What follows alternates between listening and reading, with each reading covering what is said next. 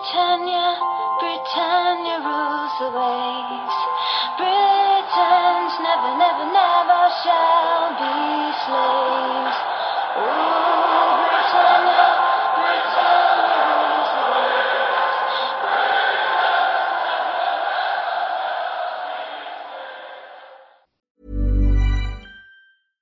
Sandra, and I'm just the professional your small business was looking for. But you didn't hire me because you didn't use LinkedIn jobs. LinkedIn has professionals you can't find anywhere else, including those who aren't actively looking for a new job but might be open to the perfect role, like me. In a given month, over 70% of LinkedIn users don't visit other leading job sites. So if you're not looking on LinkedIn, you'll miss out on great candidates like Sandra. Start hiring professionals like a professional. Post your free job on linkedin.com/people today.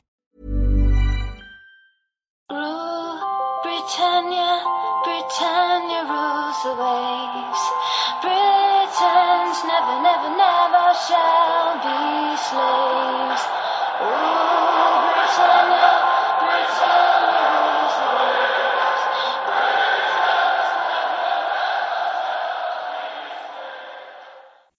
Hej och välkomna till Svenska FPL-podden. Idag är det dags för avsnitt 113 och som ni hör så är Alex eh, uppe eh, på semester i fjällen så att det är jag och eh, Fredrik. Hallå Fredrik som kör. Tjaba, tjaba. Tjena.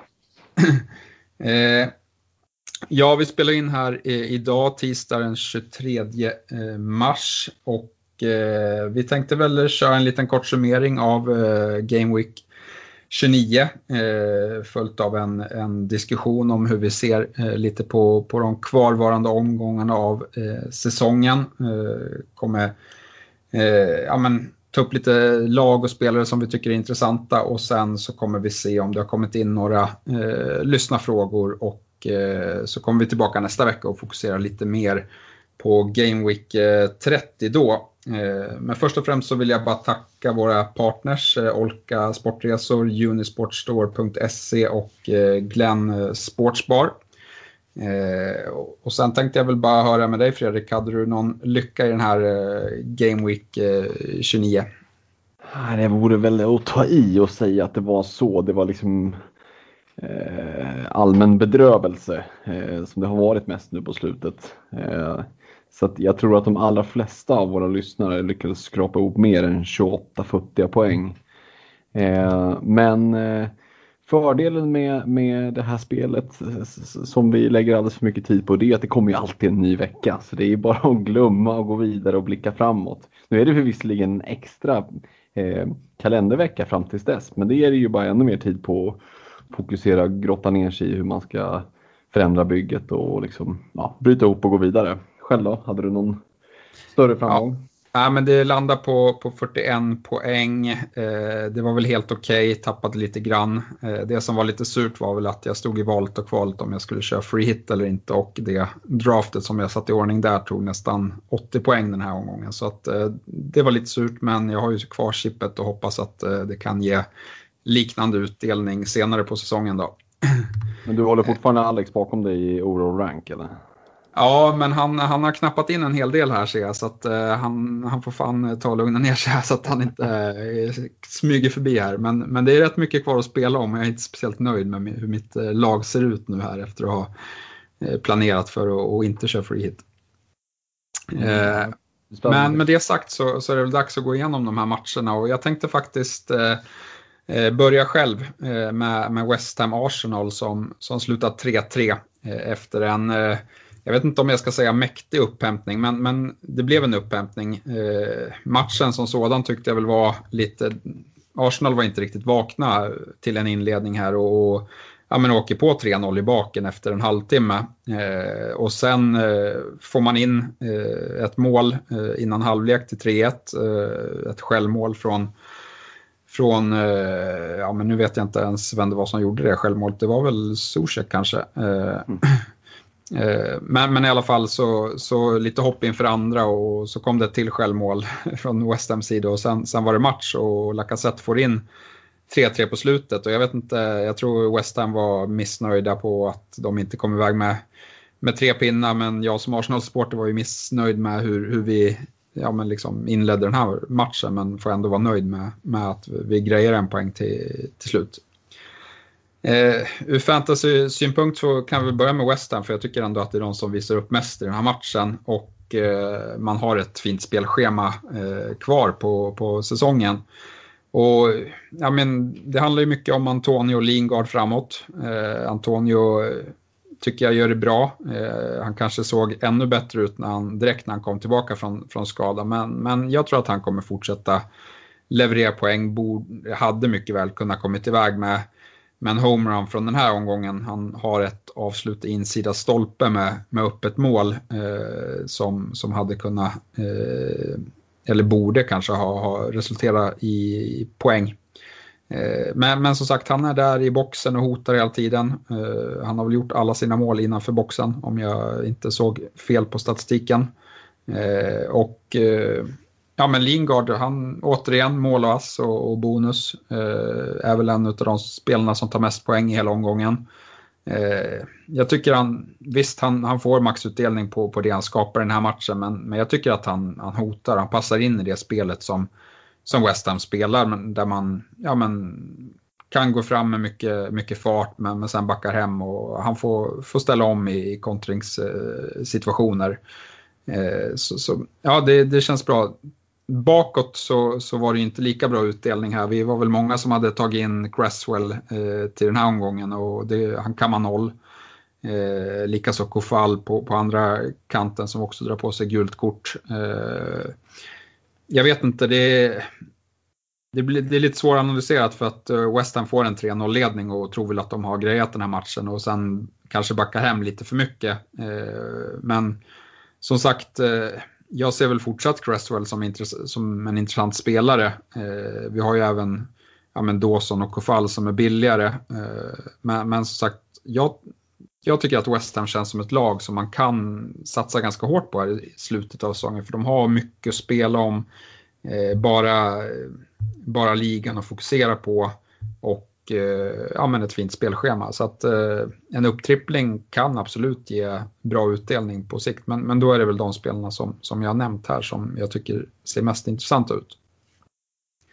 Eh, för Arsenals del så tycker jag väl att eh, det är inte många som gör en glad. Försvarsspelet eh, ser ju svagt ut i den här matchen. Man envisas igen med att peta in Marie, eller Pablo Marie i backlinjen och eh, även Chambers får, får chansen. Nu gör ju Chambers en bra andra halvlek offensivt sett men eh, det känns lite skakigt eh, bakåt i, till, till en början här. Eh, och eh, ja, när dessutom Tierney har en sämre match och, så, ja men då då känns det svajigt. Eh, och ska man kika någonstans så är det väl ändå offensivt sett i Arsenals del.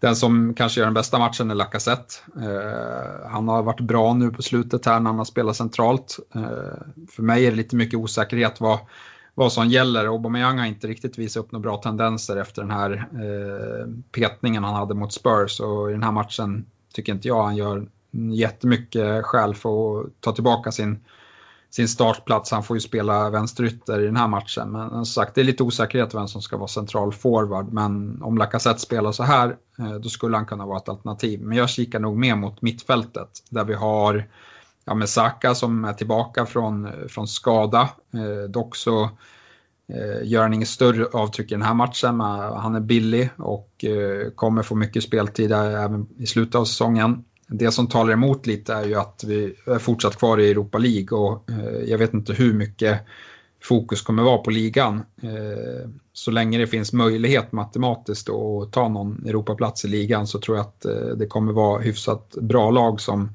ställs upp men det kan även bli en del rotation och då är det väl fram, främst ytterforwardsplatserna där man, där man byter.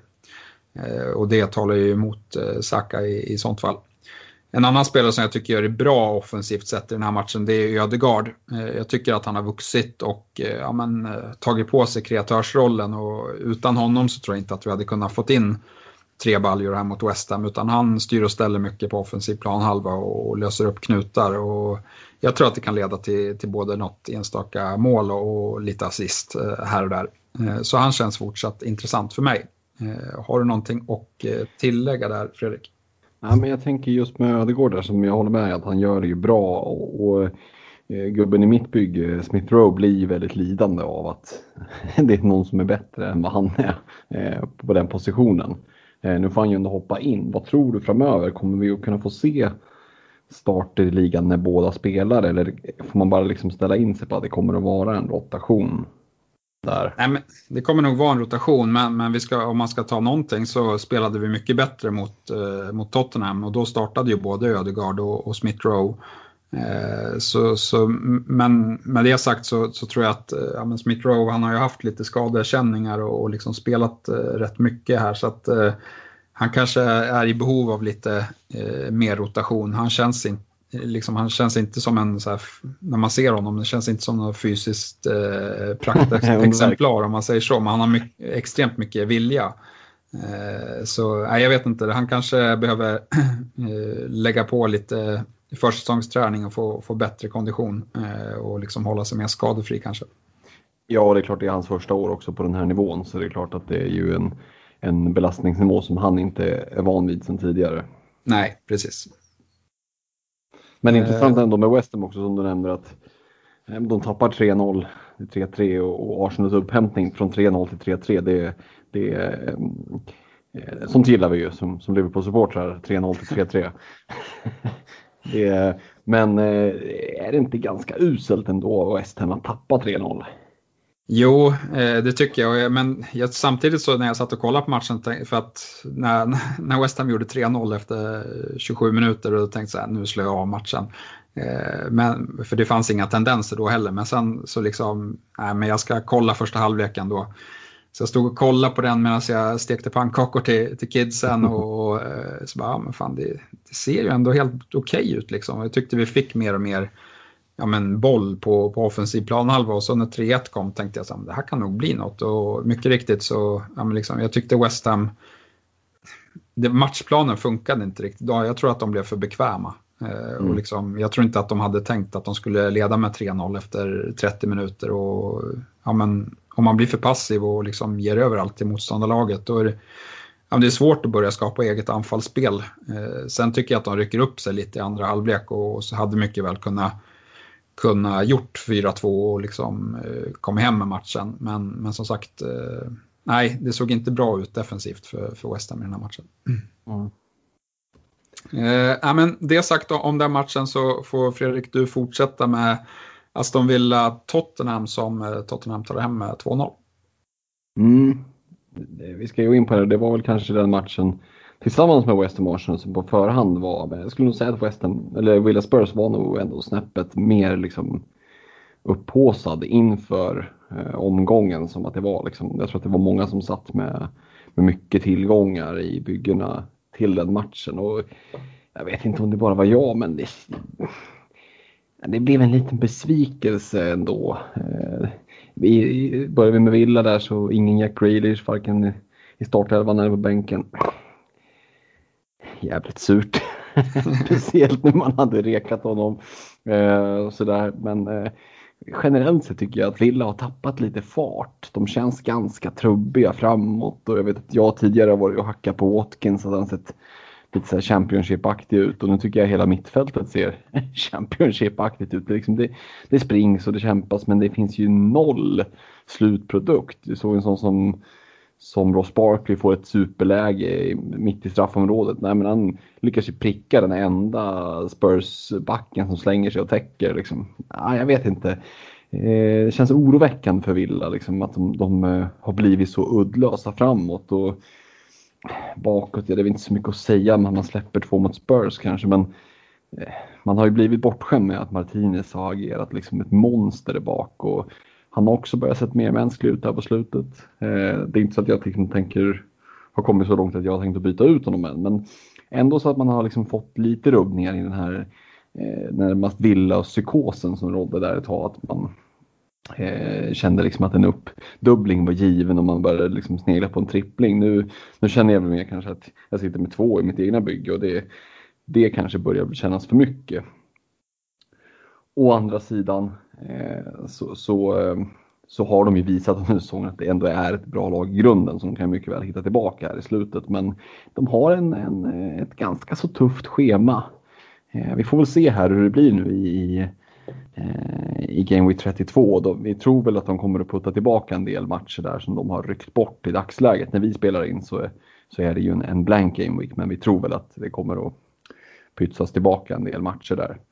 Eh, men så som det ser ut i inspelande stund så har de ju två matcher som ska placeras ut, Villa. Och det är klart att eh, hamnar de, skulle de hamna någon annanstans, ja, då, då blir det ju ändå intressant att hålla koll. Men det är ett tufft schema som, som Villa har resten av säsongen.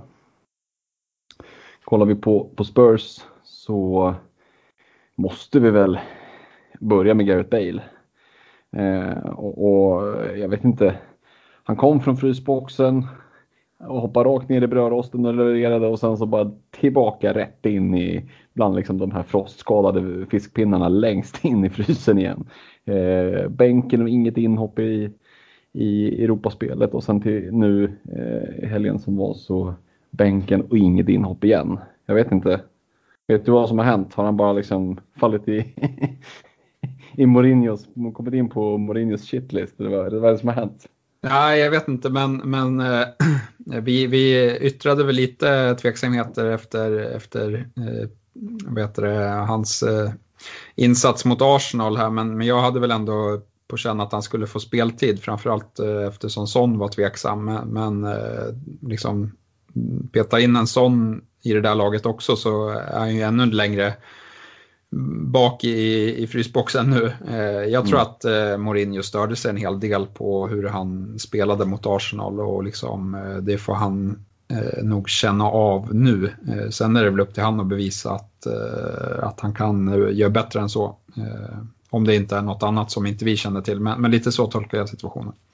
Ja men precis, det, ja, det blir ju spännande att se hur länge liksom, han måste sitta av sitt straff så att säga.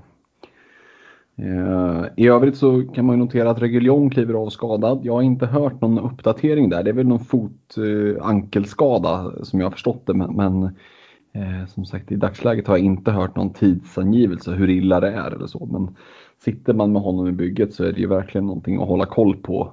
Nu, nu har vi ju ett, ett landslagsuppehåll här eh, så det kan ju vara så att om det var en en lite tuffare smäll bara, att det hinner gå över. Men, men är det så att den är borta ett tag så, så kommer vi ju hinna få info om det under det här uppehållet. Eh, så det är väl ett bra tips till de som sitter på honom att eh, hålla ett extra öga på sådana nyheter. Eh, och i övrigt så fixar Harry Kane en straff som han själv slår in eh, och det var ju väl Eh, det var väl för väl det för oss som hade dåliga gameweeks men som ändå hade liksom fegat ur och, och bindlat honom. Annars vet jag fan inte vad jag hade gjort. Träffat med typ 11 poäng inför den matchen. Så det kändes ju som att det var, det var liksom ingen räddning för det var ju redan kört den veckan. Men det var i alla fall någonting. Så, så eh, eh, Kane fortsätter att visa, dels fortsätter han att visa att han kan leverera men också att det här med straffar inte bara är någonting som vi pratar om och tjatar om utan det är en, en väldig fördel och vi har ju varit inne på det tidigare att är det verkligen så här poängsättningen med straffar borde vara. För det blir väldigt, väldigt avgörande att ha eh, framförallt strikers som, eh, som tar straffar. Ja, nej men jag håller med. Eh, men, men sen, det är, det är väl viktigt för, för Keynes eh, liksom fantasyvärde att Son eh, kommer tillbaka från sin skada här efter landslagsuppehållet. För, för Kane utan en sån och utan Bale i laget känns ju inte lika intressant. Eh, jag förvånas lite över att han inte plockar hem alla bonuspoäng trots att han ja, gör mål i den här matchen. Mm, mm. Nej, men jag håller med, det blir väldigt endimensionellt i deras anfallsspel. Son erbjuder ju någonting som ingen annan egentligen i, i, i Spurs kan göra med det djupleds, liksom, de djup, djupledslöpningarna som han tar. Eh, så att han är ju viktig för spelet och just att dra isär och skapa luckor och skapa ytor för framförallt Kane. Ja. Men kikar vi också där på schemat så har de ju den här fina, jag har tjatat om den Southampton-matchen hemma som fortfarande inte är utplacerad. Och eh, nu känns det väl som att det är lite 50-50 som jag har förstått det om den kommer att hamna i Game Week 32 eller inte. Eh, ja, nej, jag har inte hört något mer heller, men, men både Villa och Tottenham är ju intressanta av den anledningen att de fortfarande kan få dubbel veckor. Eh, som sagt, men, men, när de kommer det vet man ju inte riktigt. Jag tycker det, det är fantastiskt dålig framförhållning men det är väl bara det vi får, får leva med nu här. Det blir ju ännu värre när ja, men det inte finns någon publik att ta hänsyn till så då väntar de in i det sista vad det verkar. Ja, och det känns som att vi, eller vi säger jag, men hela ligan och indirekt och det här spelet är ju väldigt mycket i klorna på tv-bolagen. De, de styr det här som the master puppet liksom. Mm. Ehm, och det drabbar ju en vad det gäller liksom planering och så, men eh, sitter man som, som eh, undertecknad själv gör med, med eh, till exempel eh, Triple Captain kvar så det är ju ett sånt chip som man inte behöver planera så mycket för utan kan trycka av när den där Southampton hemma-matchen väl landar i en vecka. Och, och Spurs schema ser ganska behagligt ut. Man har ju den här blanken i 33an som det gäller att, att navigera runt om man inte har tänkt att spela free hit då. Men i övrigt så ska man möta en del ganska rackiga försvar. Och nu närmast eh, efter landslagsuppehållet här så, så ska man ju möta ligans absolut sämsta lag i, i Newcastle. Så att, um, mm, eh, Kane, eh, har man inte Kane i bygget så tycker jag nog att han har gjort precis allt för att, för att visa att han borde vara där och, och med tanke på matchen som kommer så finns det liksom ingen ursäkt för att, för att inte ta in honom, eller vad säger du?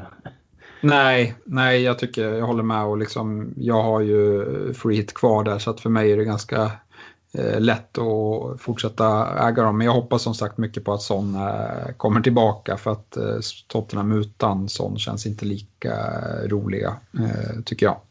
Sen håller jag med om att det är smärtsamt uppenbart hur mycket Graylish har betytt för, för Villa, men det såg man ju nästan när han spelade också. Det var ju, han skulle ju göra allt eh, i princip. Eh, så att, eh, ja den dagen och, och sen, Ja, och samtidigt ska man komma ihåg att Villa förra året klarade sig ju kvar på, på en goal line technology som inte fungerade. Så de har ju ändå överträffat förväntningarna. Vi har blivit lite väl bortskämda kanske med det spelet de levererade i början av säsongen. Så det här är kanske någonstans deras egentliga nivå eh, som vi som vi ser. Ja, men det blir väl liksom också när man, har, när man tappar Graylish och så blir det lite sådana matcher där man, eh, ja men som man kanske hade vunnit om Graylish hade spelat, men så blir det att man ja men som du sa, Martinez har lekt hjälte några omgångar men det blir kanske för mycket. Han kan inte göra det varje vecka och liksom, då blir det lite mer förluster och så. Nu har de ju tappat en hel del i, i tabellen. Mm, mm. Mm, ja, men jag är nöjd med det så får du gå vidare. Yes, och då eh, går jag vidare till Fulham Leeds som Leeds eh, plockar hem med, med 2-1 eh, och Ja, men den här matchen kändes väl lite oviss på förhand. Vi hade ett, eh, ett Fulham som eh, kämpar för överlevnad och eh, har ryckt upp sig och ett Leeds som har sett lite, lite trötta och, och liksom inte visat någon riktig form på slutet här. Men, men det är ändå Leeds som kommer undan med, med tre poäng. matchen hade väl kunnat sluta lite hur som helst. men om vi börjar prata om Leeds så är det ju Eh, Bamford som, eh, som kommer till spel eh, var tveksam innan med, med en skada. Det hade kunnat sluta hur som helst i den här matchen också för redan efter 20-25 minuter så, så ligger han ner med skadekänning. Men, men han skakar av sig det, gör mål och ass och sen så kliver han av skadad. Men som sagt för, för oss som, som sitter och äger honom i fantasy så var det ju guld värt. Nu får vi väl avvakta och se om han är, eh, om han är hel eller inte eh, inför kommande omgångar. De har, eh, eh de har ju en fin match här direkt efter landslagsuppehållet i Sheffield United hemma. Men därefter så ser det ju riktigt tungt ut med City, Liverpool och United efter varandra. Så eh, liksom rådet för Leeds-spelarna generellt blir ju att ja, efter Southampton då är det ju bara kika eh, någon annanstans. Och det gäller väl liksom eh, framförallt Bamford som, som tar upp en värdefull eh, forwardsplats. Eh, Dallas tror, tror jag också att det går att hitta eh, andra roligare eh, spelare för i backlinjen. Den som jag kanske ändå kan hålla kvar och som fortsätter visa form det är ju Rafinha på, på mitten som återigen eh, ja, men är målskytt här och eh, ja, men jag tycker väl att det är han lite som har som har fått eh, bu, burit upp Leeds här i, i, deras lite tuffare period och visat eh, form kontinuerligt. Och, så han är väl den som jag äger som jag är minst benägen att eh, göra mig av med i dagsläget i alla fall. Eh, men som sagt, jag ser inget jätteintresse för Leeds eh, överlag. Eh, utan jag tycker att eh, ge, ge dem matchen mot eh, Sheffield och sen kolla om du kan få in något, något bättre i bygget istället. Eh, går vi vidare till Fulham eh, så jag är väl inte jätteexalterad här heller. Eh, på ett sätt är det väl säkert ett bra lag och, och att sitta på eller man kan vara säker med att de kommer eh, ställa upp med liksom bästa elvan vecka efter vecka eftersom de slåss om sin överlevnad. Men som du var inne i förra podden att ja, men liksom i backlinjen, jag vet inte om man ser något supervärde. Nu gör i och för sig Andersen mål i den här matchen men ja, nollorna känns inte stabila och, och eh, ja, jag vet inte, det finns kontinuerligt hotar offensivt sett. Eh, forwardsplatsen är också oklar just nu. Mitrovic och Maja delar väl lite på, på speltiden där men ingen som riktigt imponerar. Eh, och då är det väl egentligen Luckman på, på mittfältet kvar eh, i den prisklassen. Ja men billig femte, fjärde mittfältare. Eh, och jag vet inte om jag är redo att satsa på honom framför till exempel en en Lingard eller Saka eller Ödegård. Liksom. Det finns ganska mycket billiga mittfältare som som har gjort lite case för sig som känns, eh, som spelar i lag som, som känns lite mer anfallskompetenta. Eh, har du någonting att tillägga om den matchen? Ja, nej, men jag tycker att du summerar det bra där. Liksom, det är ju någonstans... Eh, det, var, det var kul att segla med Leeds, men, men som sagt, isberget börjar ju torna upp sig där. Man gör nog bäst i att säkra en plats i, i livbåtarna snart om man inte heter Rafinha, har, liksom, har Rafinha och ser att han redan sitter med en stor livboj. Utan det är liksom, eh, jag håller med dig verkligen om att eh, det, går, det går att blicka åt andra håll helt klart. Ja, man kan ju sitta kvar för att de har ändå en schysst avslutning på säsongen. Så liksom om man inte har någon panik så, så går det ju att sitta kvar med, med någon, någon spelare så tänker jag lite. Vi får se också vad som händer. Jag tänker att de Leeds ligger väl lite så till i tabellen att de kan hamna lite i ett sånt här ingenmansland. Um, om de, om de liksom gör en bra avslutning här nu eh, på säsongen så att de liksom säkrar kontraktet.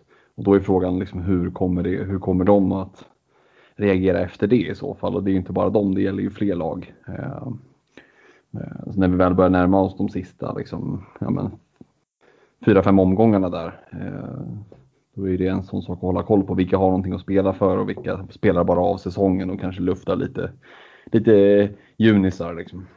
Ja, vi får väl se. Det är väl Fulham som får avgöra det lite grann, om de kan ta några poäng eller inte. För att eh, annars så liksom kan det ganska snabbt bli att rätt många lag eh, klarar sina kontrakt här. Eh, utan det, det, är väl, det, det, är väl det som krävs att Fulham måste börja vinna lite för att det ska bli intressant. Mm. Yes, eh, men du ska få fortsätta och avsluta matchgenomgången med eh, Brighton-Newcastle som ja, men Brighton eh, leker här med, med 3-0 skulle jag säga. Ja, det är en match vi eh, sannolikt aldrig hade tagit med i en, i en full game week, men hade vi inte så mycket att välja på. Liksom. Vi har ju bara fyra matcher att välja på och då, då får den ju komma med här. Och det vore väl tjänstefel att inte börja med Brighton. Eh, och ja, alltså. Då, jag ska inte säga att de äger den här matchen, men de kontrollerar ju den här matchen och, och, och liksom eh, ju, tar ju ändå hem det här relativt komfortabelt. Sen om det säger mest om Brighton eller om motståndet, det, det kanske man ska låta vara, vara osagt. Så.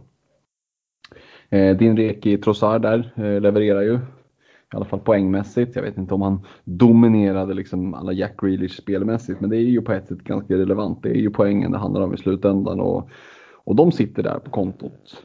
Eh, på samma sätt som, som eh, Brighton-defensiven levererar. Beltman plockar väl till och med en bonuspinne och, och Dunk och White och de här plockar sina nollor. Eh, så både för den som i ett free hit-lag hade gått på trippel trippelförsvar eller den som du var inne på i förra podden där med, med Trossard och två Brighton-försvarare fick ju väldigt fin utdelning. någonstans är det ändå Brighton vi, vi pratar om, ska man ju komma ihåg.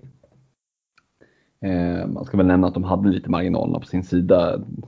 Hade något stolpskott emot sig där och så, men, men eh, det, det var tycker jag att de har Det tycker jag att de har förtjänat. De har ju spelat Ja. bra eh, många Ja, matcher under säsongen eh, utan att få utdelning. Så att, att de får lite medflytt är väl, är väl eh, ja, kan man tycka är rättvist. Ja, det var, det var verkligen, verkligen på tiden. Ehm, kollar vi lite på, på spelschemat slutet av säsongen här så mm, jag vet inte, jag är inte jätteövertygad alltså. Det, det ser ganska, ganska tufft ut tycker jag. Sen är Brighton svårbedömda eh, vad det gäller liksom just det här eh, svårighetsgraden på match. För det beror helt på vilket typ av motstånd de möter. Men, men de har ändå kvar att möta både, både City, Arsenal, Chelsea, eh, United. ehm, sådär. Så att, ja, det är inte, inte jättemånga matcher där jag känner att här vill jag verkligen lasta in och eh, lasta på i, i Brighton. Och då har det ju fram, fram, kanske framförallt varit, bortsett från Trossard, eh, försvarare man har suttit med. Och min spontana liksom, gissning här är ju att antalet nollor Brighton kommer hålla resten av säsongen kommer vara ganska lätträknade. För det är eh, ganska starka anfall som man har kvar att möta. Så har man, låt säga att man inte hade free hit och kanske ändå har dubblat upp eller så i, i, i Brighton-försvaret så eh, bör man nog kanske prioritera att liksom se sig om efter, efter andra tillgångar där.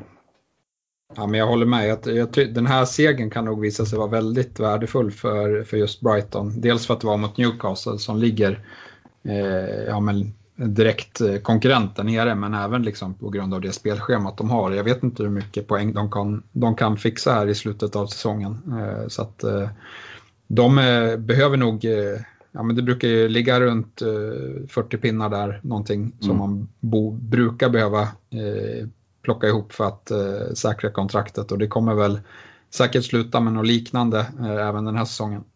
Mm. Nej men så är det absolut.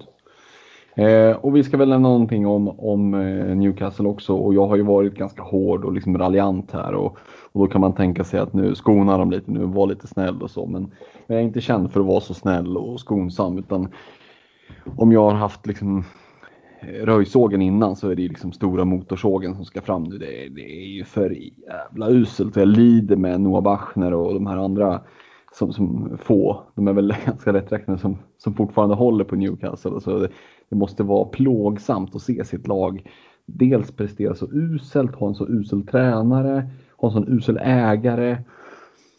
Ja, alltså får man inte ens ha publiken på St. James's då, då, eh, då, då eh, vet jag inte, eller liksom bortaföljet som de ändå brukar ha med sig på bortamatcherna.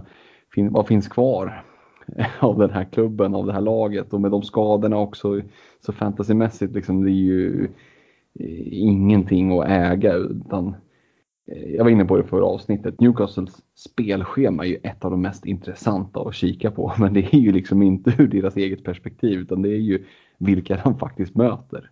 Ehm, för att dels så är det ju intressant i en kaptensdiskussion. Alltså alltid den som möter Newcastle. Eh, där blickar man ju liksom och kikar. Kan det vara så att eh, det kan vara läge att bindla någon?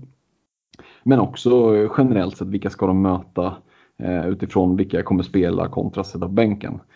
Eh, och, och blickar vi lite framåt, ja det är Tottenham efter landslagsuppehållet här nu vid 30. Ja, det, det gör ju Kane till liksom en glödhet eh, kaptenskandidat.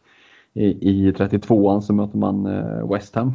Ja, det, i West Ham har vi ett antal eh, eh, formstarka spelare och håller de i sig, Lingard, Antonio, eh, Cresswell, det finns liksom bra alternativ där för att kunna sticka ut.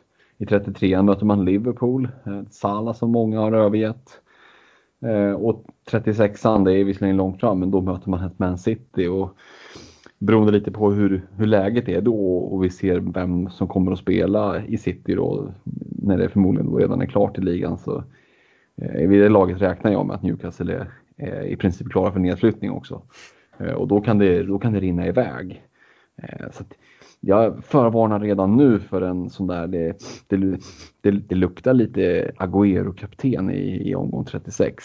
Eh, han har ju alltid vi... någon sån här per, per säsong, eller hur? Sån som ja, ja, han brukar väl göra mycket mål mot Newcastle om jag inte minns fel heller.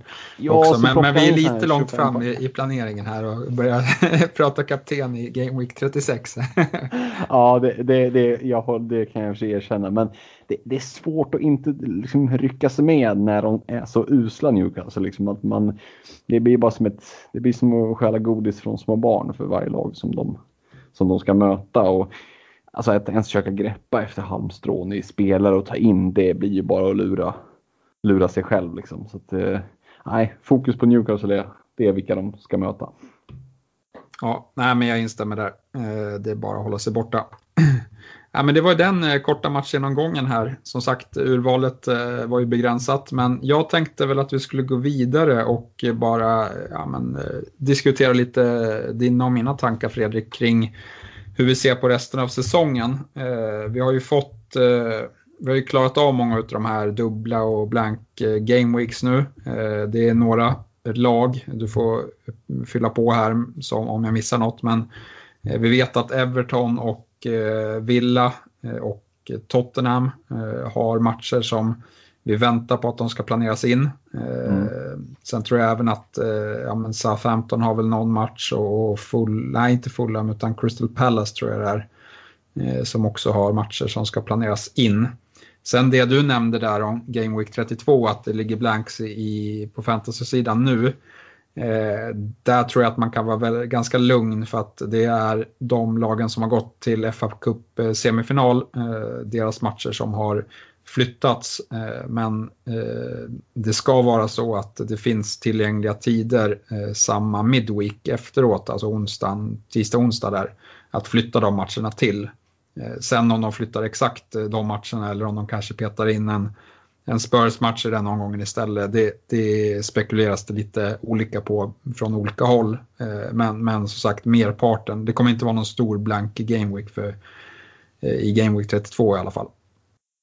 Nej, inte, inte som, eh, som allting pekar på. Sen får vi väl alltid lämna en brasklapp att eh, de har ju överraskat oss förut, FA. Men, men det är väl det som vi har att utgå ifrån i alla fall.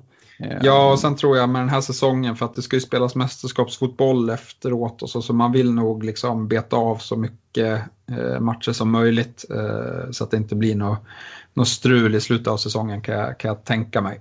Mm. Ja, men verkligen. Det är ju mer ifall man skulle liksom knyta an någon match till, eh, till 33an i så fall eller liksom bara om de vill om de vill stöka till det lite på, på en fin kil. Liksom. Men, men det återstår väl att se när, när det kommer. Det är bara att hålla, hålla sig uppdaterad helt enkelt. Nu, nu har vi ju ett landslagsuppehåll och då ja, men, hålla lite, lite koll eh, då och då på hemsidan. Det kommer ju uppdateringar där. Så, som sagt, det, vi har ju nämnt det förut. Hålla, följa en Miss Ben Krellin på, på Twitter är ju också mm. eh, ett bra tips. Ja. Så en tanke som slog mig nu, har du någon koll på om, om eh, Premier League-spelarna har blivit vaccinerade mot covid eller inte? Jag har inte hört någonting om det. Det är jättemärkligt. Som sagt, vi, vi har ju pratat lite om det att eh, förmodligen skulle, skulle ju liksom de flesta engelsmän, de skulle ju liksom godta att, eh, att eh, spelarna i favoritlaget blir vaccinerade för deras egna mödrar. Eh, mest för att kunna hålla fotbollen igång. Nu har man ju lyckats göra det ändå, men på ett sätt vore det jättemärkligt om man inte gjorde det just i England där fotbollen är så stor. Och jag vet inte, det går att göra någon snabb, snabb överslagsräkning på hur många det handlar om. Man tänker spelare och så ledare i närmsta A-truppen. Men det är ju inte mer än liksom tusen personer, eh, tänker jag. Nej, nej, tanken bara slog mig. Jag vet att eh, UK som land ligger ju långt fram i vaccineringsracet. Eh, men, men samtidigt är landslagsuppehåll nu. Eh, vi har sett liksom ganska mycket mycket högre antal fall i Europa och Sverige och så. Så att det finns väl en liten risk här att, eh, att det kan bli lite nya sjukdomsfall eh, när det ska ut och eh, spelas landslagsfotboll likt det vi såg i, i höstas. Mm, ja, men verkligen, det är ju någonting att, att hålla koll på nu här under de här, den här lediga liksom veckan och, och just med karantäner och sådär kan ju förändras utifrån om någon, något land Eh, Eh, ifall smittspridningen sticker iväg ordentligt och det kommer nya regler. För en del länder är ju rätt snabba på, till skillnad från Sverige så är ju en del länder rätt så snabba på att införa mycket, mycket striktare eh, regler, både vad det gäller inresor, utresor och, och karantän. Ja, här i Sverige det känns som att vi bara konstaterar att eh, fallen ökar, men, men vi, vi gör ingenting åt det. Nej, det, det, går att säga mycket om det, men, men det kanske inte är det, det, det mest snabba. Men, nej, men eh, det, det, är ju märkligt att man inte hört någonting om det.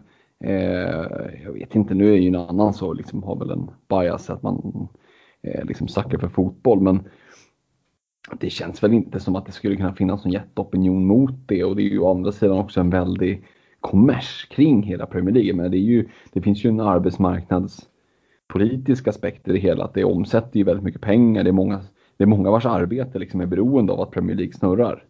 Eh, det är ganska många tusen jobb runt om i, i, eh, i Storbritannien som är beroende av det. Så det finns ju liksom ganska många aspekter av att faktiskt hålla fotbollen rullande. Eh, så, det, är inte, en, intressant att man inte hört någonting om det. Jag tänker både du och jag följer ju ändå både sociala medier och så en hel del. Ja, nej, jag har inte hört någonting. Jag tänkte att du hade hört något. Så att, nej, eh, det var nej. tyst det. Men, men, rekommendationen som, som alltid när det är landslagsuppehåll det är ju bara att ja, men, avvakta, gör inga fastade byten här utan eh, vänta in presskonferenser och, och liksom eh, ja, man brukar tendera att ta bättre beslut också när man har fått fundera lite eh, extra på hur man ska lägga upp det. Mm. Eh, men med det sagt så tänkte jag väl kolla liksom, jag tänkte läsa upp lite lag. Jag har dragit ut den här på, på Fantasy Football Scout, ja, med rankingen för hur lätta matcher som är kvar. Mm.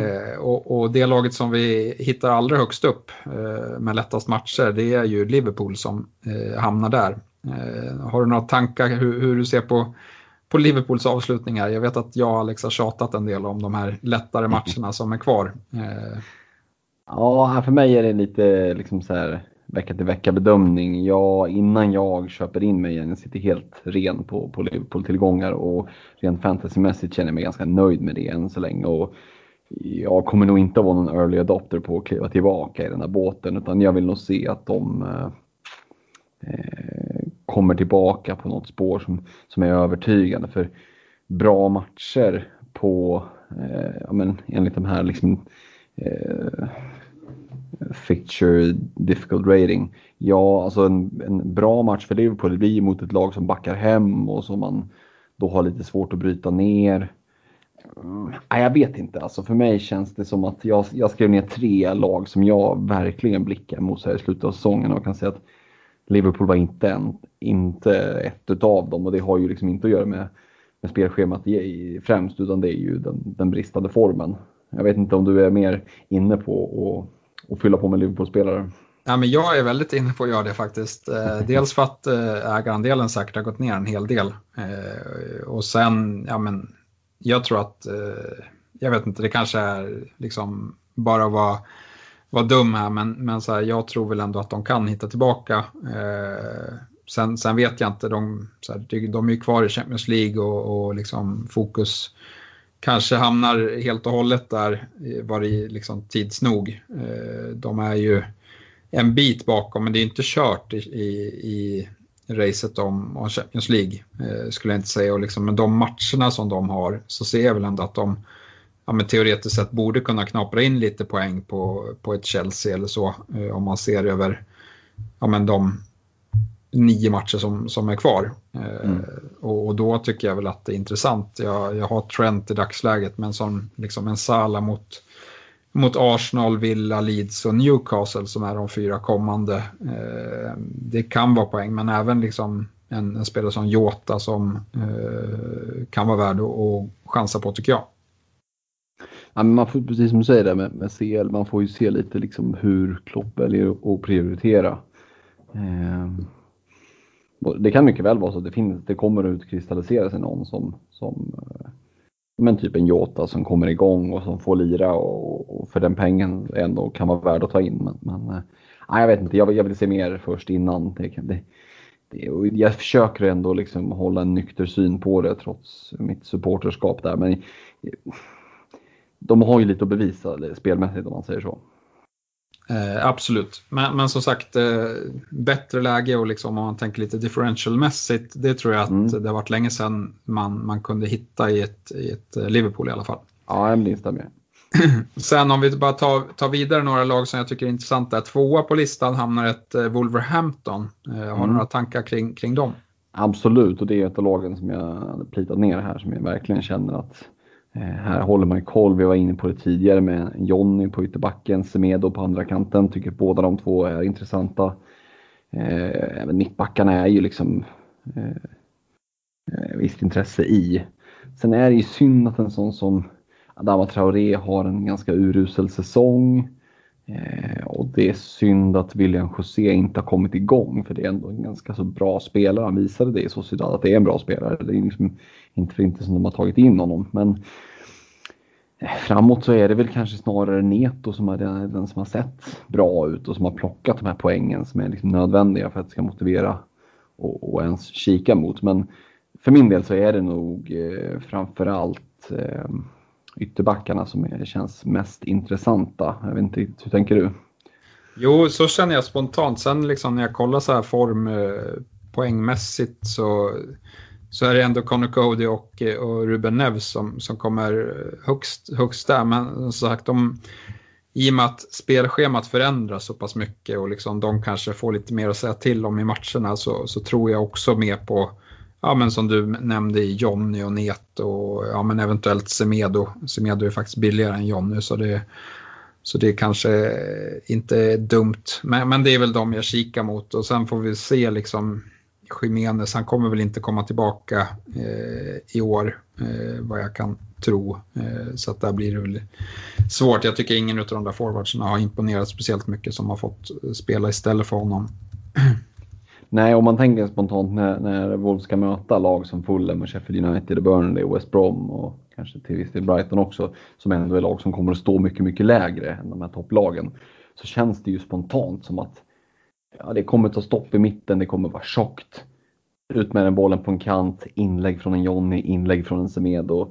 Jag skulle ju inte bli jättechockad om det i de närmsta fem omgångarna kommer ett eller ett par assist från de fötterna. Nej, nej, det är en bra tanke. Eh, och eh, som sagt, eh, de borde även kunna hålla någon nolla mot de här lagen kan man tycka. Ja, precis. precis. yes, vi går vidare. Jag tänker nämna de fyra första här. Trea på listan kommer Arsenal. Har du blickat något ditåt?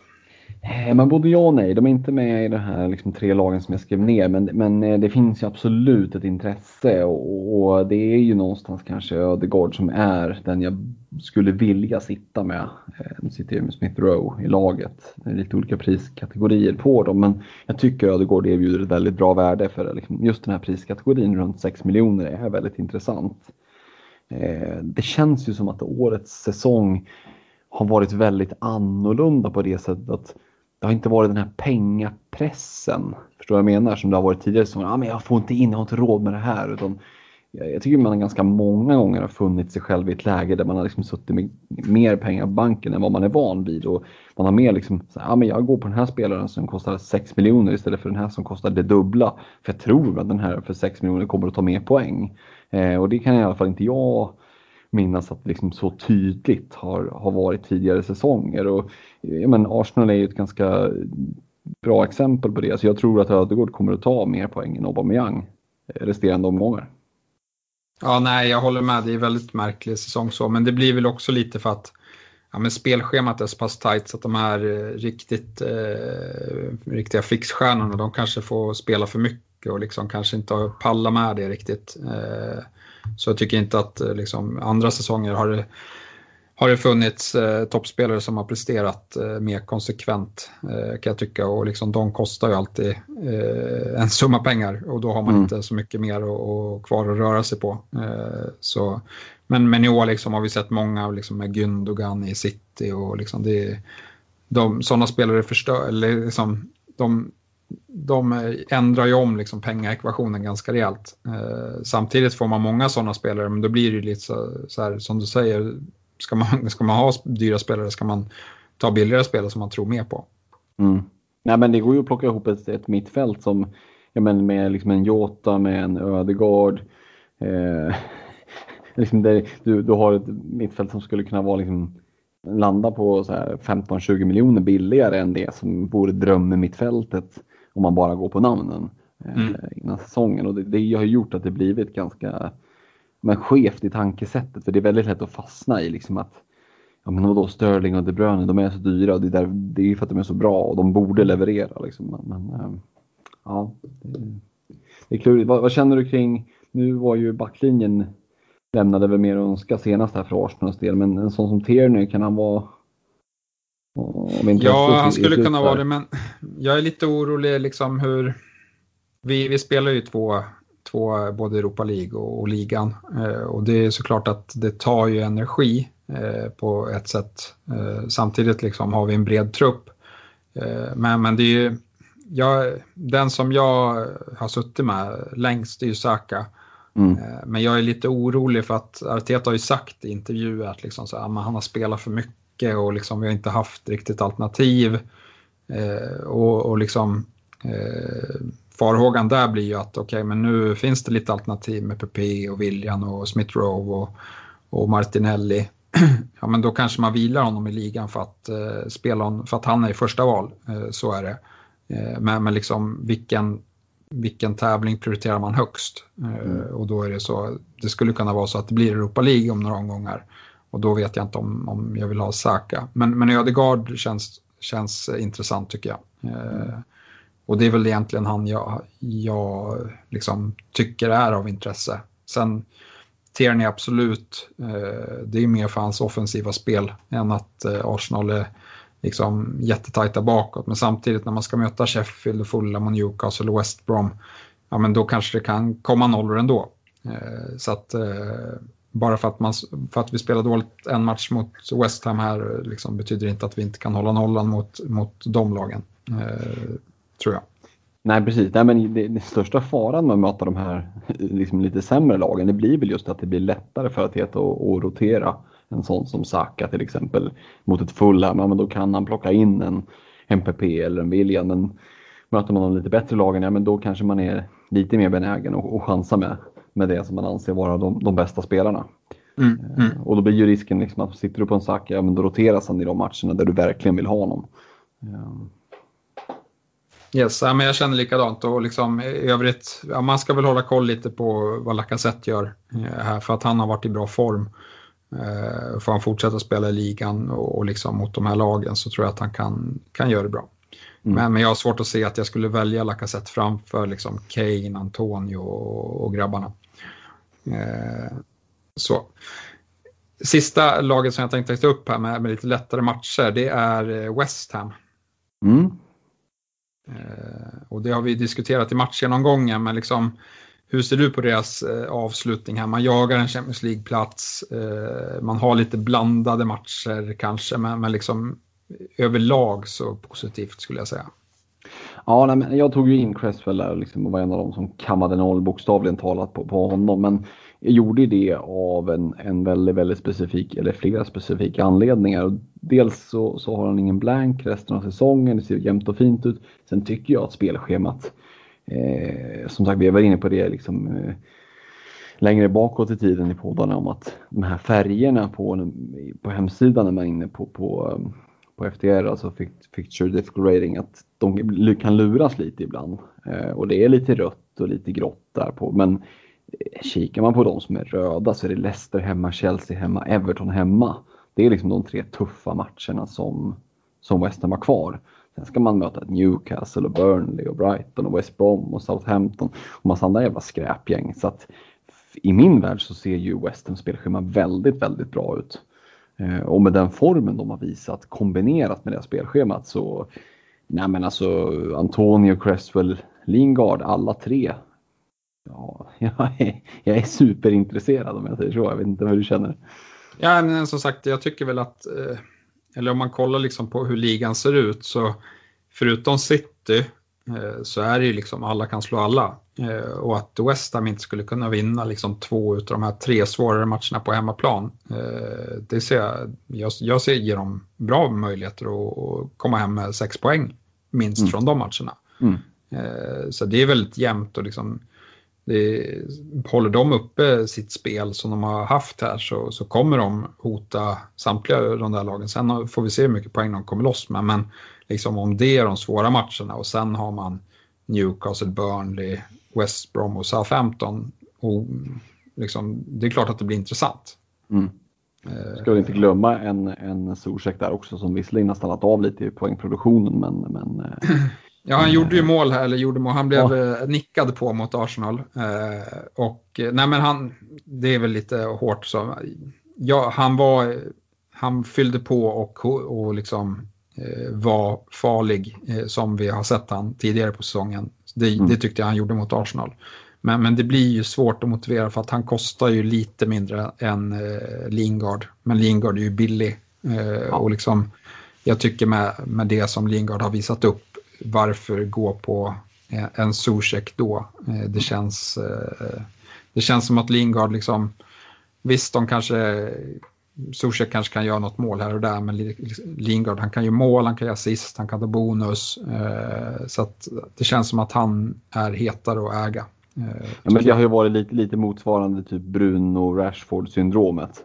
Det har funnits gånger där det har liksom funnits case för Rashford, men i slutändan så skiljer det så pass lite och den ena liksom är ändå eh, hetare. Liksom. Mm, mm. Eh, men värt att nämna där om West Ham är ju också att Eh, det kanske inte är siffror för att prata om differentials, men på ett sätt kan jag tycka att det är det. Cresswell har en ägarandel som är 28 procent. Är det högt eller lågt? Ja, det beror på hur man ser det. Det är inte jättelågt, absolut inte, men det är ju fortfarande så att liksom nästan tre av fyra lag blir, blir utan poäng ifall han eh, tar mycket. Och kikar vi på, mm, på Lingard och Antonio så ligger deras ägarandel på ungefär fem, strax under 15 procent. Eh, så då, strax under 15 procent så här långt in i säsongen. Det är väl nästan att betrakta som en differential, eller vad säger du? Ja, eh, sen, sen kan jag tänka mig att det är bara aktiva lag som äger Lingard. Eh, så att mm. eh, där kanske det är lite högre effektivt ägarandel så mot, mot aktiva lag. Eh, men, men, nej, absolut. Eh, jag, jag sitter ju tyvärr låst med, jag har Cresswell, Kofall och Antonio. Eh, så det blir mm. lite jobbigt för mig att få in Lingard.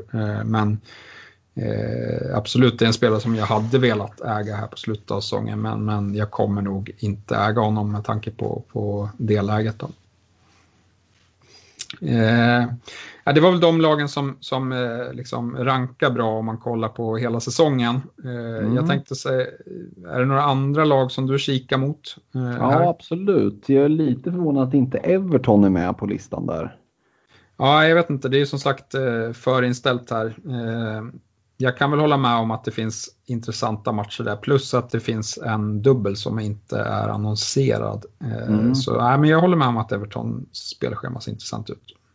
Ja, och där är det ju framförallt en, en Lucadinho och, och Calvert Lewin eller Richarlison. Där är det lite liksom svår avvägning. Det eh, var väl Calvert Lewin som hade som hade return senast här, men de har ju gått lite om varandra annars med, med att leverera. Eh, så det är väl liksom coin flip på vem man ska sitta med. Men jag kan ändå tycka att det finns ett case för att sitta på Everton-tillgångar. Eh, den stora frågan för dem är väl liksom hur deras säsong kommer att ta vägen nu. Eh, om de kommer att vara med och liksom ordentligt kriga om Europaplatserna. Men två närmsta matcherna här efter landslagsuppehållet så har man Pallas hemma, Brighton borta. Tar man sex poäng där, då är man ju verkligen med i racet. Ehm, så att, nej men Everton håller jag ett, ett extra öga på. Ja, nej precis. Jag tror att de kommer, de kommer absolut gå för Europaplatser. Dessutom en match mindre eh, och denna mot Villa. Eh, så nej, det, det, Everton känns intressanta. Precis, sen, sen, kan jag ju inte låta bli att nämna min fantasy crush i, i Chelsea. Eh, och det är ju en riktig liksom eh, det är riktigt pinsam crush eftersom jag i princip tycker väldigt illa om Chelsea generellt annars. Men, men eh, jag kan inte låta bli att nämna den igen. De har ett, ett intress väldigt intressant schema eh, tycker jag med, med, en hel del fina matcher här nu direkt efter landslagsuppehållet. Närmsta fem omgångarna ser ju riktigt smaskiga ut och det är synd bara att det är så jäkla svårt att hitta offensiva tillgångar. Jag vet att i mina, i mina de här Tinker Teams inför säsongen så var ju liksom Havertz, Ziyech och Werner i princip givna som en offensiv trio. Eh, nu blev det ju inte som man hade tänkt sig riktigt. Eh, varken jag eller Chelsea-fansen. Eh, eller någon annan som, som, som, spelar fantasy för den delen. Men oaktat det så känns det ju som, som en, en sån som Mason Mount hade inte varit helt fel att sitta med inför kommande fem omgångar. Vad tänker du kring, kring Chelsea? Nej, jag vet inte hur man ska tänka. Offensivt sett så, så har jag väldigt svårt att motivera att ta in eh, någon. Eh, jag vet inte, jag tycker Mount är väl kanske den som, som ligger närmast, men, men liksom inte helt övertygad. Eh, men, men däremot så kanske man bör fundera defensiven lite mer om man kollar liksom på hur mycket poäng en Christensen eller Aspilicueta eller ja, men Mendy i kassen har, har plockat in här under Torshäll så är det ju, ja liksom man hade ju verkligen avancerat om man hade suttit på, på deras backar. Ja, och med de matcherna med de lagen de ska möta liksom i West Brom och Palace och Fulham. De är ju inga lag som är kända för att, för att tvåla dit strutar på löpande band direkt. Nej, så, så, men, så där tycker jag väl att det kanske är lite närmare till hans att, att gå på någon. Kristensen är ju billig, frågan är liksom hans plats helt given, jag vet inte. Nej, men det känns väl som att Aspilicueta kanske är den, det säkraste kortet. Visserligen ligger han väl på 5,8 eller vad han ligger på. Men å andra sidan, pengar är inte lika stort problem den här säsongen. Många kan säkert växla ut en back för runt 5 miljoner och sitta liksom med 0,8 på, på banken. Jag tror aldrig vi har sett så mycket pengar på banken som vi gör just nu. Ehm, och det ger ju också lite mer frihet att kunna växla mellan, liksom, framförallt försvarare, mellan eh, ja, men nästan från liksom budget till premium. Eh, mm. På det sätt som vi inte har sett förut. Mm. Nej, jag, jag håller med. eh, jag vet inte, har du no någon mer att, att, nämna? Annars har vi diskuterat en hel del om, om ja, liksom men jag tror att det var de jag hade, hade hållit span på. Ja, Nej, men generellt så, så vill jag, jag tror att vi, vi verkar tänka ganska lika. Eh, vi får prata lite mer eh, nästa, nästa vecka, men liksom i, i det här skedet av säsongen så måste man ju ändå leta efter lag som ja, men har ligan som fokus och har saker att spela om. Eh, och där finns det ju några, några lag som sticker ut och, och några lag som ja, men är lite varningstecken på, skulle jag säga.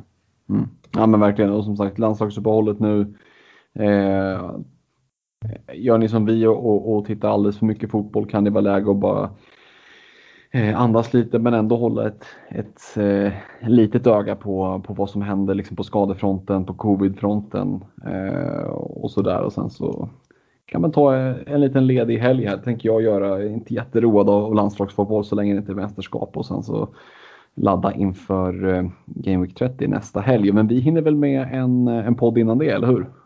Ja, men vi ska väl försöka spela in podd, tänker jag, eh, nästa vecka också. Så Alex får komma tillbaka och skjuta ner alla, alla våra spaningar. exakt, exakt. Jag ska se, vi har inte fått in så jättemycket lyssnafrågor till dagens avsnitt, men, men några stycken har det kommit in och det blir, får bli, bli det vi avslutar med. Eh, Klas eh, Briland han eh, säger, vågar man chansa på ett kortsiktigt byte och byta in en offensiv spelare i Chelsea som har två attraktiva matcher? Vem ska man satsa på? Köper ja, inte Werner. Nej, Timo Werner, han, han har mycket att bevisa innan han kommer upp på, upp på någon rek eh, igen. Det ska, ska gudarna veta. Nej, men då är det väl Mount.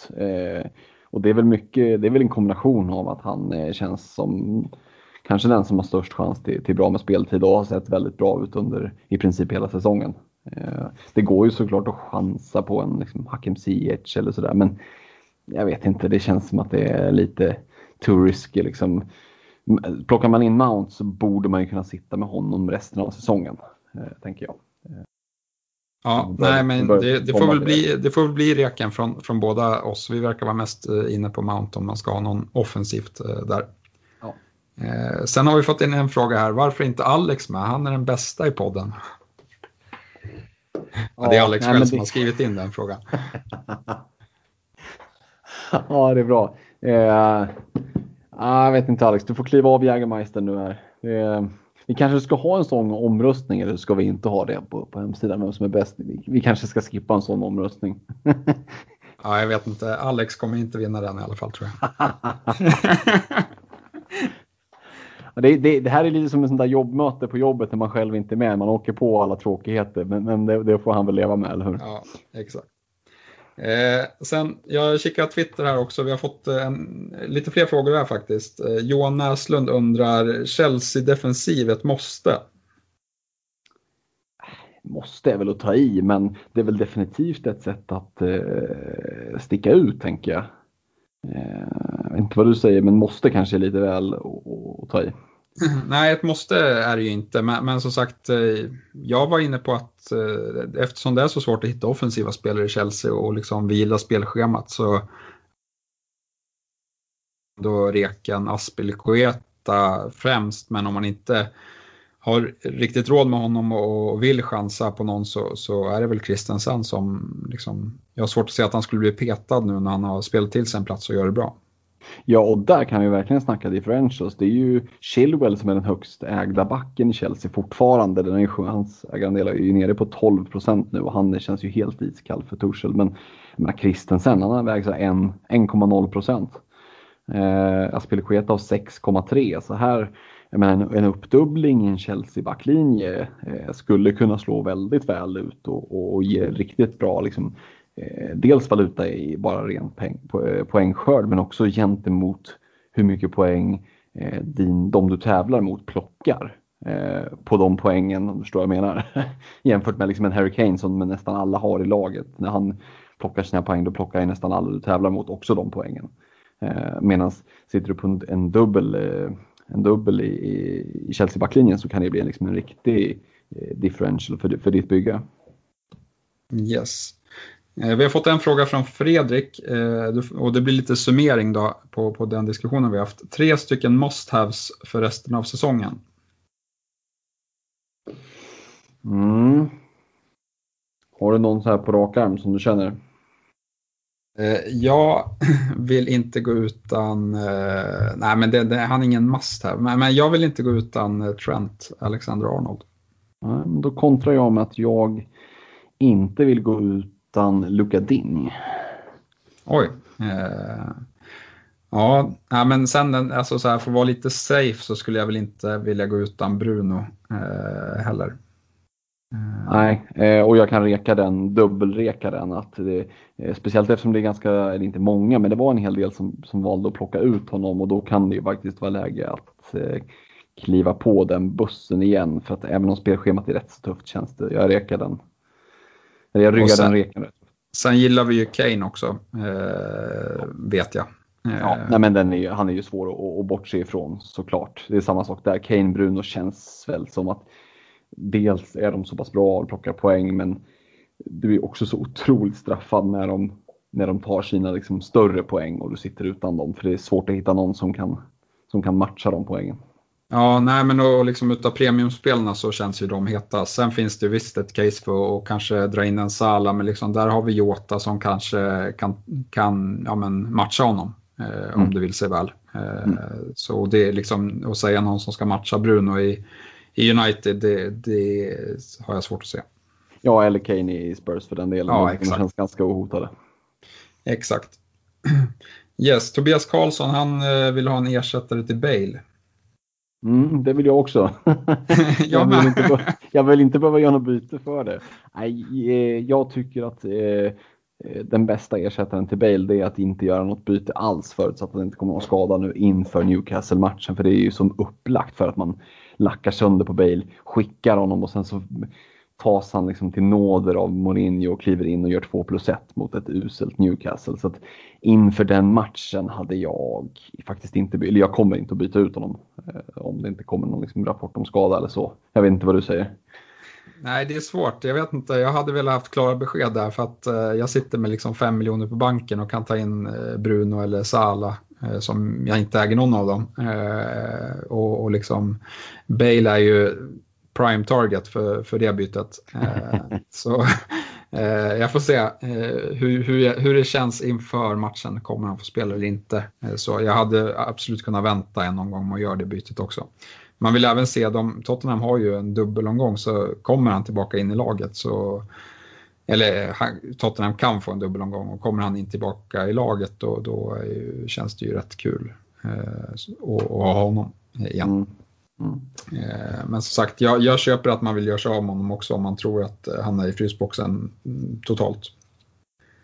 Eh, Helena undrar, Mendy eller Martinez i wildcardet? Ja, det var bra fråga. Där har vi liksom varit ganska tydliga med att Martinez har varit första valet. Men eh, Eh, jag kan ändå känna att det finns absolut ett case för att plocka in en, en Benjamin Mendy som ligger till under 8 i ägarandel. Det är ju en riktig differential eh, så här långt in i säsongen. Så att, eh, hade jag suttit med, liksom, rent hypotetiskt, ett aktivt wildcard just nu så hade jag nog fingrat på en Mendy i kassen. Vad säger du?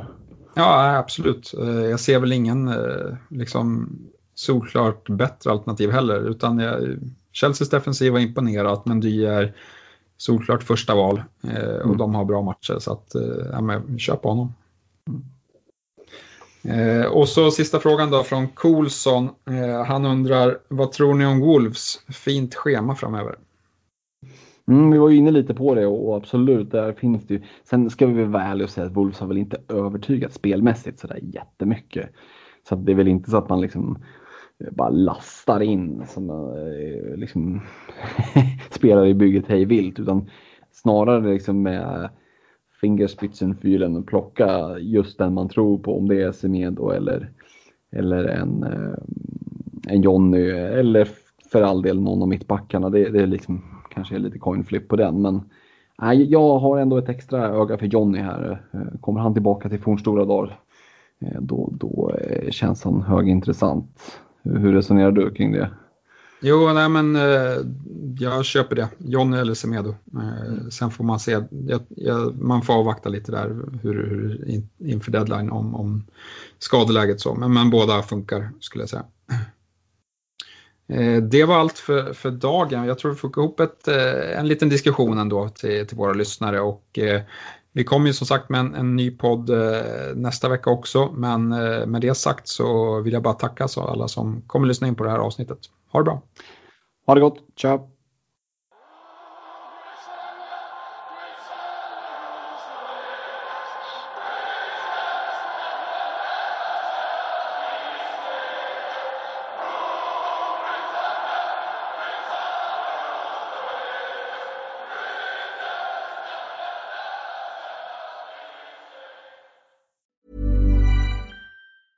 A lot can happen in three years, like a chatbot may be your new best friend. But what won't change? Needing health insurance. United Healthcare Tri Term Medical Plans, underwritten by Golden Rule Insurance Company, offer flexible, budget friendly coverage that lasts nearly three years in some states. Learn more at uh1.com.